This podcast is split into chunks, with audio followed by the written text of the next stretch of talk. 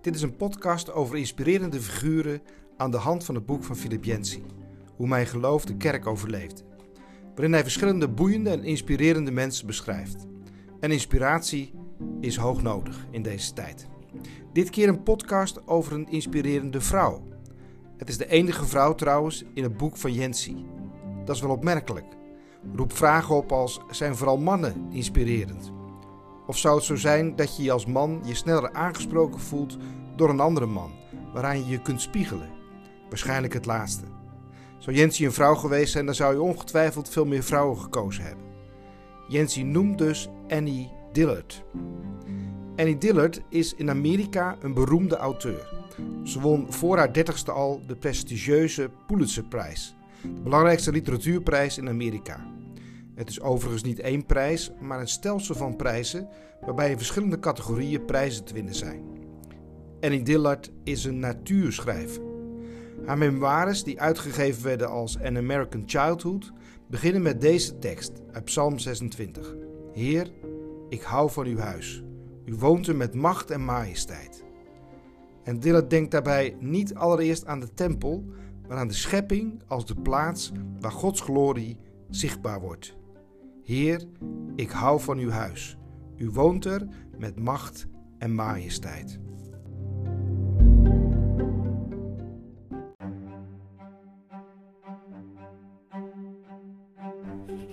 Tillett is opgegroeid in een welgestelde familie in Pittsburgh, Pennsylvania. Grootgebracht samen met haar zus door liefdevolle ouders. Ze had een comfortabele jeugd op privémeisjesscholen en sportclubs. Ze ging naar een chique Presbyteriaanse kerk en haar ouders gaven haar alle vrijheid om zich te ontwikkelen op allerlei gebied. Eén leraar had moeite met haar. Annie zet zich alleen in voor de dingen die haar echt interesseren. Dat zal menig ouder herkennen in hun eigen puber. Ze ging studeren aan het Hollands College in Virginia en trouwde tijdens haar tweede studiejaar met een docent creatief schrijven. Haar spiritualiteit was echter al eerder ontwaakt. Niet zozeer in de gezapige kerk van haar jeugd, als wel in de christelijke zomerkampen waar ze met haar zus zomers naartoe ging. Als mijn ouders hadden geweten hoe vroom en evangelisch dit kamp in werkelijkheid was, hadden ze ons vast en zeker naar huis gehaald, zegt ze er zelf later over. We leerden Bijbelversen uit ons hoofd, zongen de hele dag vrolijke liederen en liepen zondags twee uur vanuit het kamp in het bos naar de kerk. Annie kende een korte periode van afkeer van het geloof. Na vier zomerkampen had ze schoon genoeg van de hypocrisie in haar eigen kerk en ze besloot de dominee daarop aan te spreken. Uiteindelijk werd het toch maar de hulpprediker, omdat ze toch wel een beetje bang was voor de statige predikant. Tegen de hulpprediker vertelde ze wat er allemaal schortte aan de kerk en waar ze last van had. Het was een oude wijze man. En hij maakte het onderscheid tussen God en de kerk en hij zei tegen haar: Je hebt helemaal gelijk, meisje. Er bestaat inderdaad veel schijnheiligheid. En Annie voelde haar argumenten verschrompelen oude man wees haar op de boeken van C.S. Lewis en zei tenslotte tegen haar: Je bent er behoorlijk vroeg bij om de kerk nu al te verlaten. Maar ik denk dat ik je binnenkort wel weer terugzie. En tot Annie's verbazing had hij gelijk. Nadat ze zich door vier delen van C.S. Lewis had geploeterd, viel ze pardoes terug in de armen van het christendom, schrijft Philip Yancey. Haar verzet had uiteindelijk maar één maand geduurd.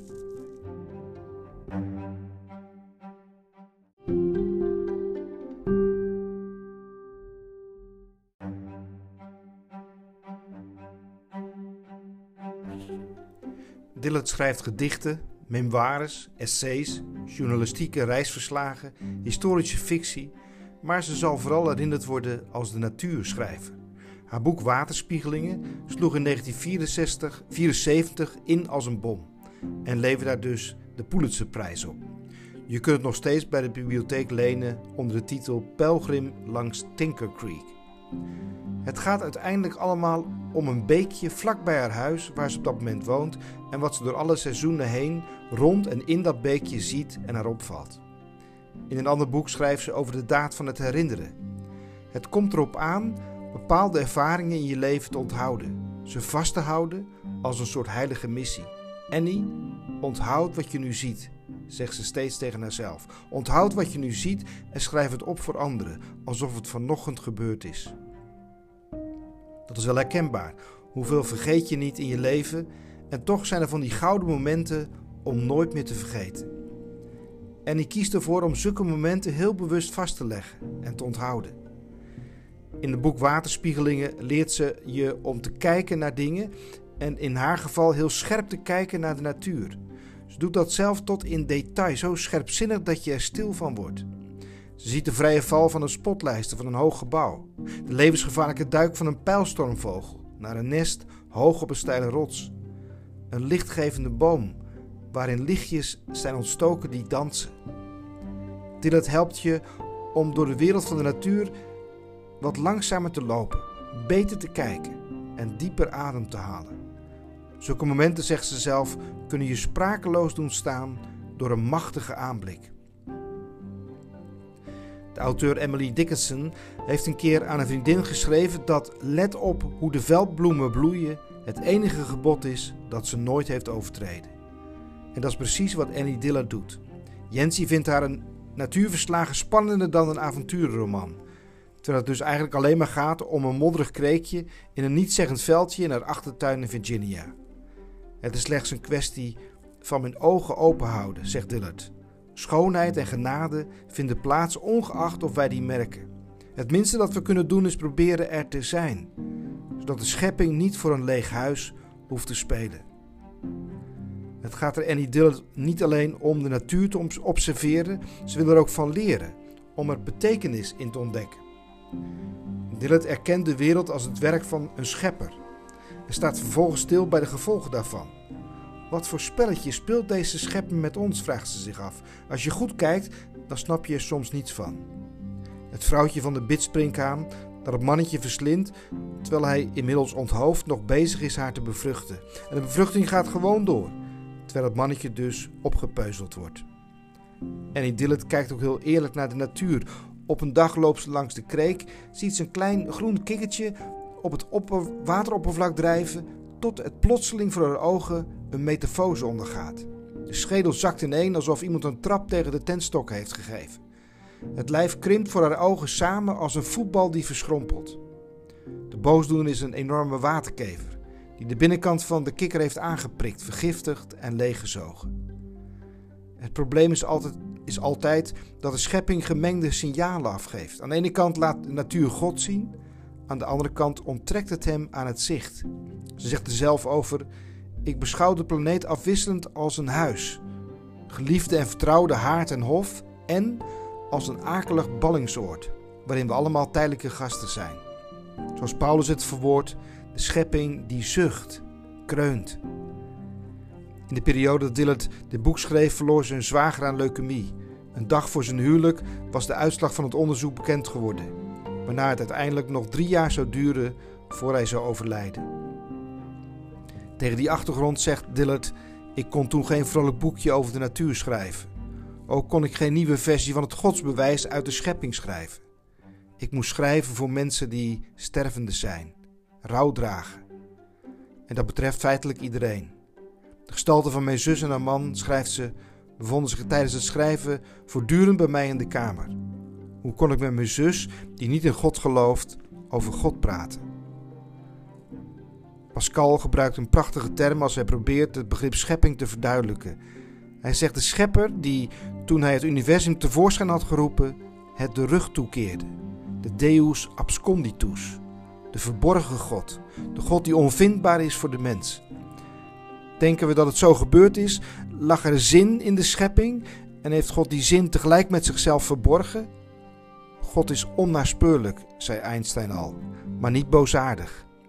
En Einstein zei ook dat de natuur haar geheim bewaart door haar essentiële grandeur en niet door haar sluwheid. Is God zo groot en onnaspeurlijk dat wij slechts blindelings kunnen tasten naar de zoom van zijn kleed?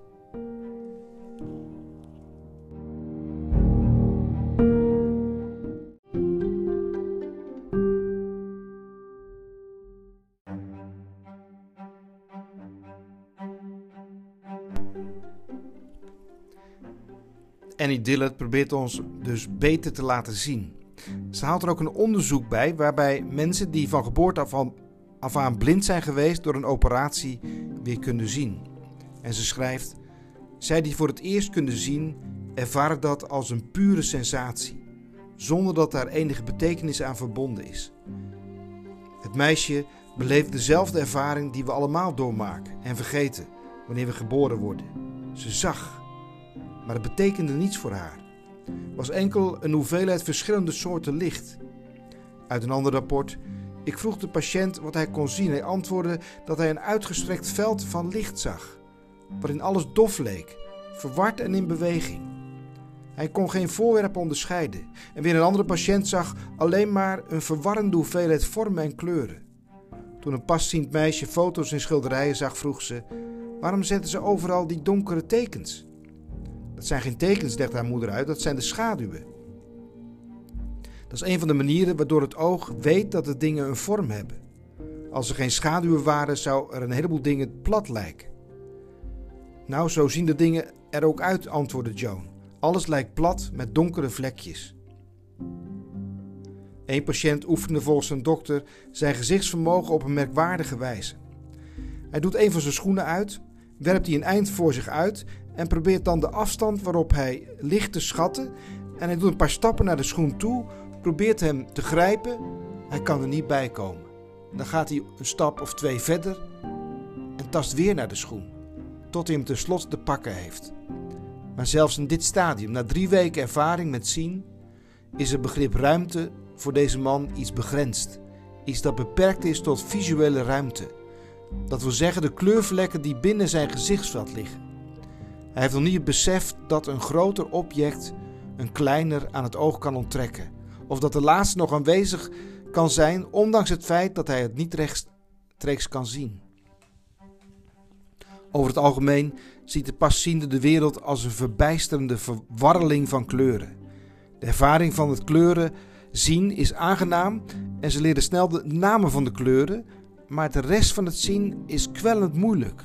Kort na zijn operatie botst een patiënt gewoonlijk tegen een van die kleurplekken op en merkt dan dat ze substantieel zijn, omdat ze weerstand bieden, op dezelfde manier als de dingen die hij door tasten waarnam. Bij het lopen valt het hem op, tenminste als hij er aandacht aan schenkt, dat hij voortdurend tussen de kleuren die hij ziet doorgaat. Dat hij een zichtbaar object kan passeren. Dat een deel ervan dan gestaag uit zijn gezicht verdwijnt. En dat hoe hij het zich ook draait of keert, of hij nu de kamer via de deur binnenkomt of bijvoorbeeld of weer er maar, maar terugkeert, hij desondanks altijd een zichtbare ruimte voor zich heeft. Op die manier begint hij zich geleidelijk te realiseren dat er ook ruimte achter hem is, die hij niet ziet. De geestelijke inspanning die met dit proces gepaard gaat, blijkt voor veel patiënten te groot te zijn. Het maakt ze neerslachtig. En sommigen verlangen ernaar om weer terug te keren naar het huis waar ze woonden, de instelling. Over een 21-jarig meisje vertelt haar dokter aan haar ongelukkige vader, die zich zoveel van deze voor operatie had voorgesteld, schreef dat zijn dochter zorgvuldig haar ogen dicht doet elke keer als ze in huis loopt. Vooral wanneer ze bij een trap komt. En dat ze nooit gelukkiger of meer op haar gemak is dan wanneer ze door haar ogen te sluiten weer terugvalt in haar vroegere staat van totale blindheid. Sommigen leren wel te zien, vooral de jongeren. Maar het verandert ook het leven.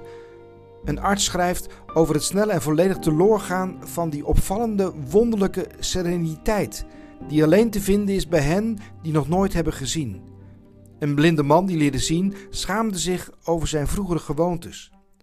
Hij kleedde zich met de uiterste zorg, soigneerde zich en probeerde een goede indruk te maken. In de tijd dat hij blind was, stond hij onverschillig tegenover voorwerpen, tenzij ze eetbaar waren. Nu begint een afweging van waarde. Zijn gedachten en wensen worden enorm gestimuleerd en er zijn zelfs patiënten die daardoor tot bedrog, jaloezie, diefstal en fraude komen. Aan de andere kant spreken vele passienden opgetogen over de wereld en leren ons hoe saai ons eigen zien eigenlijk nog is. Een patiënt die een mensenhand ziet, herkent niet wat dat is. Iets helders en allemaal holtes. En bij het zien van het tros druiven roept een jongen uit: Het is donker, blauw en glanzend. Het is niet glad, het heeft bobbels en holten. Een klein meisje komt in een tuin. Ze is hooglijk verbaasd en kan er nauwelijks toe worden overgehaald te antwoorden. Sprakeloos blijft ze staan voor een boom, die ze alleen een naam kan geven door hem aan te raken. En dan de boom met de lichtjes erin noemt. Sommigen vinden zien heerlijk en geven zichzelf over aan de zichtbare wereld. Een arts schrijft over een patiënt bij wie hij zojuist het verband had verwijderd.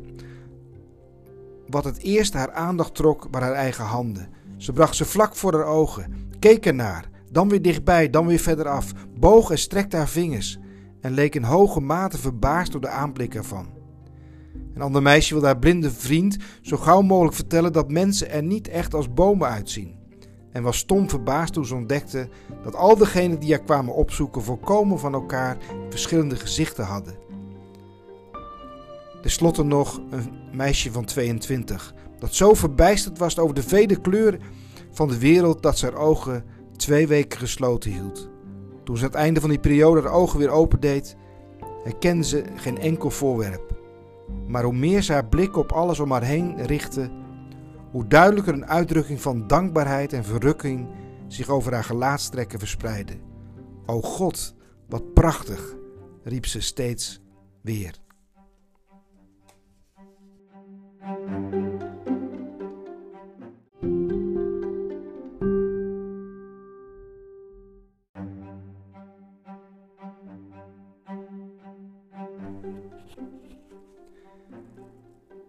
Dillard kijkt met verwondering naar de sterrenhemel.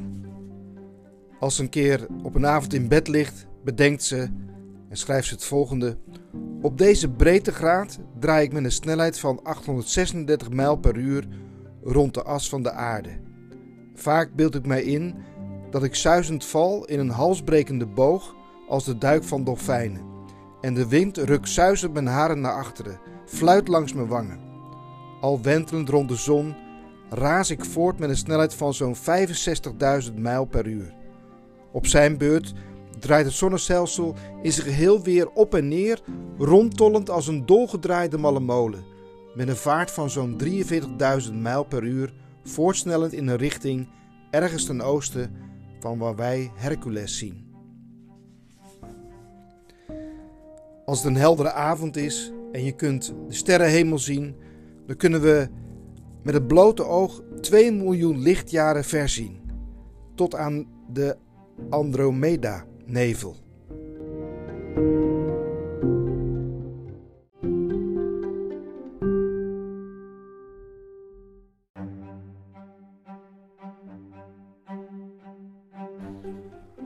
Op een dag maakt Dylan een lange reis met de auto op weg naar huis.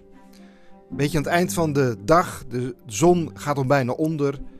Komt ze bij een benzinepomp even te tanken. Ze loopt naar binnen, er is verder helemaal niemand. En de jongen achter de kassa biedt haar een kop koffie aan. En terwijl de koffie nog een beetje moet afkoelen, maken ze een praatje en ze wordt weer een beetje wakker.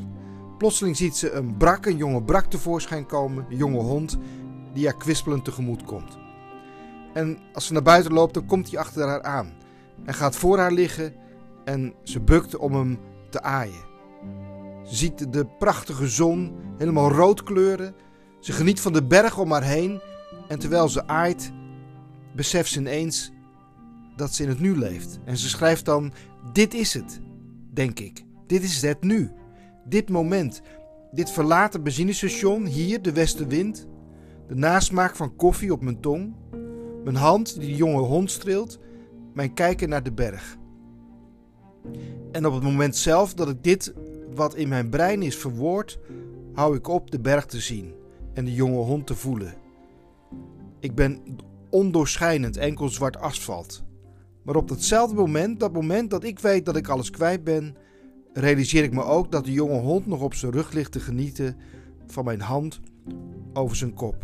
Voor hem is er niets veranderd. Hij rekt zijn poten uit om zijn huid zo strak mogelijk te trekken zodat hij elke streling van de vingertoppen langs zijn harige gewelfde zij, zijn flank en zijn naar achteren geworpen keel kan voelen. Grijp het als je kunt. Het nu is een onzichtbaar elektron, het lichtende spoor ervan, de vaag waarneembaar, die vaag waarneembaar is op een zwart scherm. Het flitst even op, vervluchtigd is verdwenen.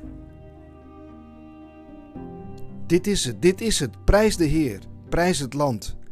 Het zuiver ervaren van het nu is een leeg worden, een hol worden. Je vangt genade op zoals een mens die zijn kroes vult onder een waterval. En ze vraagt zich af of dat nou juist niet het probleem is van de stad. Dat er zoveel van je gevraagd wordt, dat er zoveel op je afkomt, dat je je onschuld kwijtraakt. Onschuld, het niet besmet, niet beschadigd zijn, is een betere wereld om in te leven. En dan schrijft ze: Wat ik onschuld noem, is de staat van de geest dat ze zichzelf niet bewust is. Steeds wanneer ze zuiver gehecht is aan een ding, welk ding dan ook. Het is een openstaan voor en totale concentratie. Het is niet nodig, zou niet nodig moeten zijn, dat men gereduceerd is tot een jonge hond. En ze herinnert zich nog dat moment in het museum dat ze voor het schilderij stond en dat rivierlandschap zag op het schilderij. En dat ze er helemaal in onderging, naar adem snakkend, verloren, als één werd met kleur en kleur. Ik was er zo in verdiept, zo vol ontzag, dat ik letterlijk moest worden weggesleept. Dat zijn de schaarste tijden in ons leven dat we echt leven. Laten we zo puur mogelijk dat ervaren, in het nu. Het heden is een om niet geschonken schilderij. Dat het ieder ogenblik weer in stukken wordt gesneden, die door de, door de rivier wordt meegevoerd, is vanzelfsprekend. Kan niet anders. Maar het is een schilderij.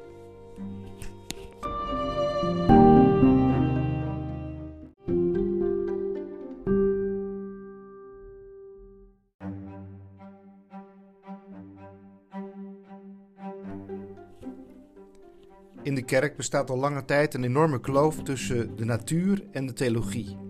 Om theologie te bedrijven moet je niet bij de natuur beginnen, maar bij de Bijbel, die ons kan vertellen wie God is en wat zijn karakter is. Dat is al sinds de vorige eeuw de heersende lijn in de theologie. Dat heeft er wel voor gezorgd dat het aardse en bovenaardse helemaal van elkaar gescheiden zijn. Dillard zegt erover: Ik vind dat mooi, maar weet je, ik ben geschoold als literair criticus. En ik benader de chaos van de natuur alsof het Gods boek is. Voor veel van mijn lezers is dat het enige boek van God dat ze ooit zullen lezen. Daar moet ik beginnen. Ik peddel met mijn kano naar de rand van het mysterie waar woorden en reden tekortschieten. Dillard begint met het slechte nieuws over de schepping, omdat op die manier het goede nieuws, wanneer je daar uiteindelijk, dat uiteindelijk vertelt, veel overtuigender blijkt over te komen. De lezer moet erop vertrouwen dat de schrijver weet hoe grimmig het kan worden en ondanks alles nog gelooft. En even de laatste boeken een beetje goddelijkheid, port ze dat vuurtje nog een beetje op. Ze doet verslag van het aantal zelfdodingen op een dag en van het percentage psychisch gestoorde mensen. Ze heeft het over aangeboren afwijkingen en ze beschrijft ze klinisch tot in alle details. Ik heb geen moeite met wonderen, schrijft ze. Ik ben geen agnost, iemand die het allemaal niet weet. Maar wonderen, dat is niet de vraag waar ik mee worstel. De vraag waar ik mee zit, hoe wij in vredesnaam God kunnen onthouden in onze maatschappij.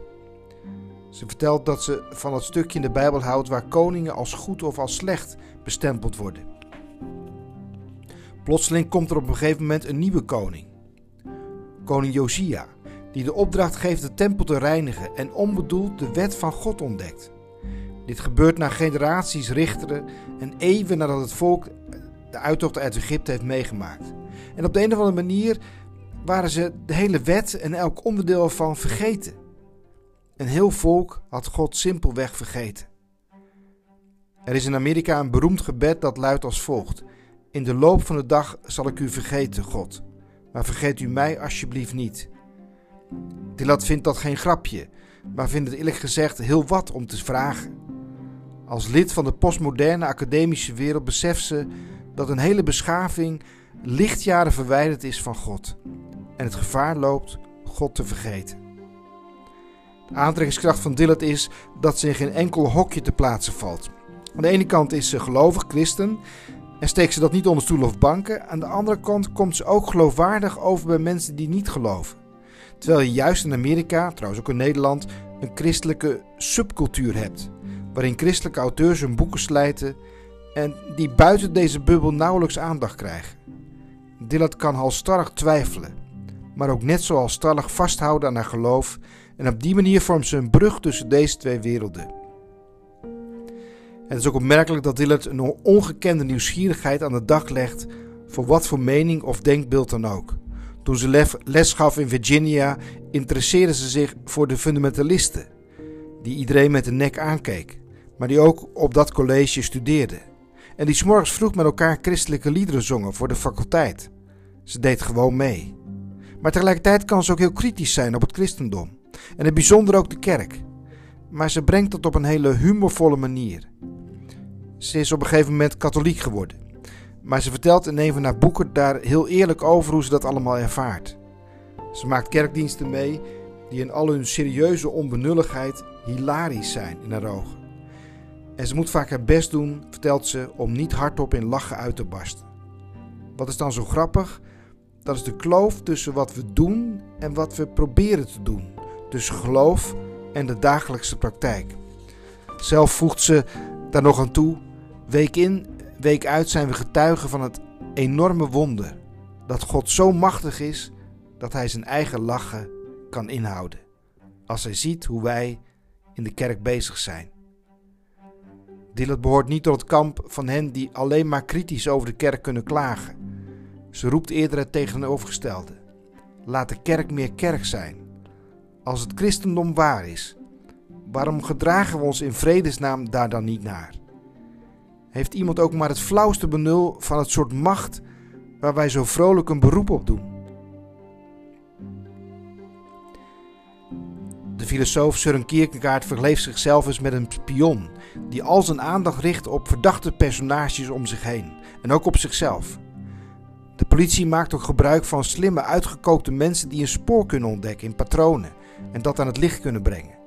Eigenlijk zegt Jensi, houdt de schrijver zich ook bezig met spionage. Hij bestudeert dingen waar anderen overheen kijken. Hij kampt de wereld uit op zoek naar betekenisvolle aanwijzingen.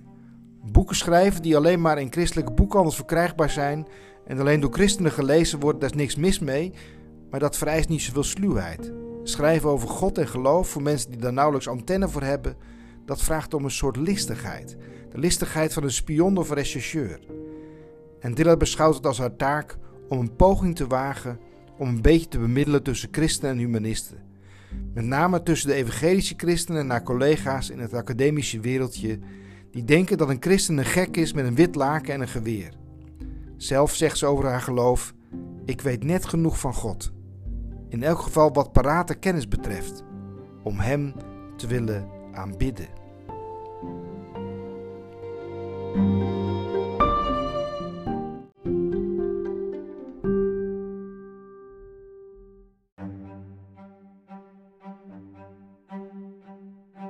Annie Dillard heeft ook het nodige geschreven over het schrijverschap. Mensen kunnen dat nogal romantiseren. En daar rekent ze haar fijn mee af. Toen Jensie haar een keer opzocht, toen vond hij haar in een kantoortje met vier kale muren en nauwelijks een raam en alleen maar een bureau. Schrijven is vooral gewoon hard werken.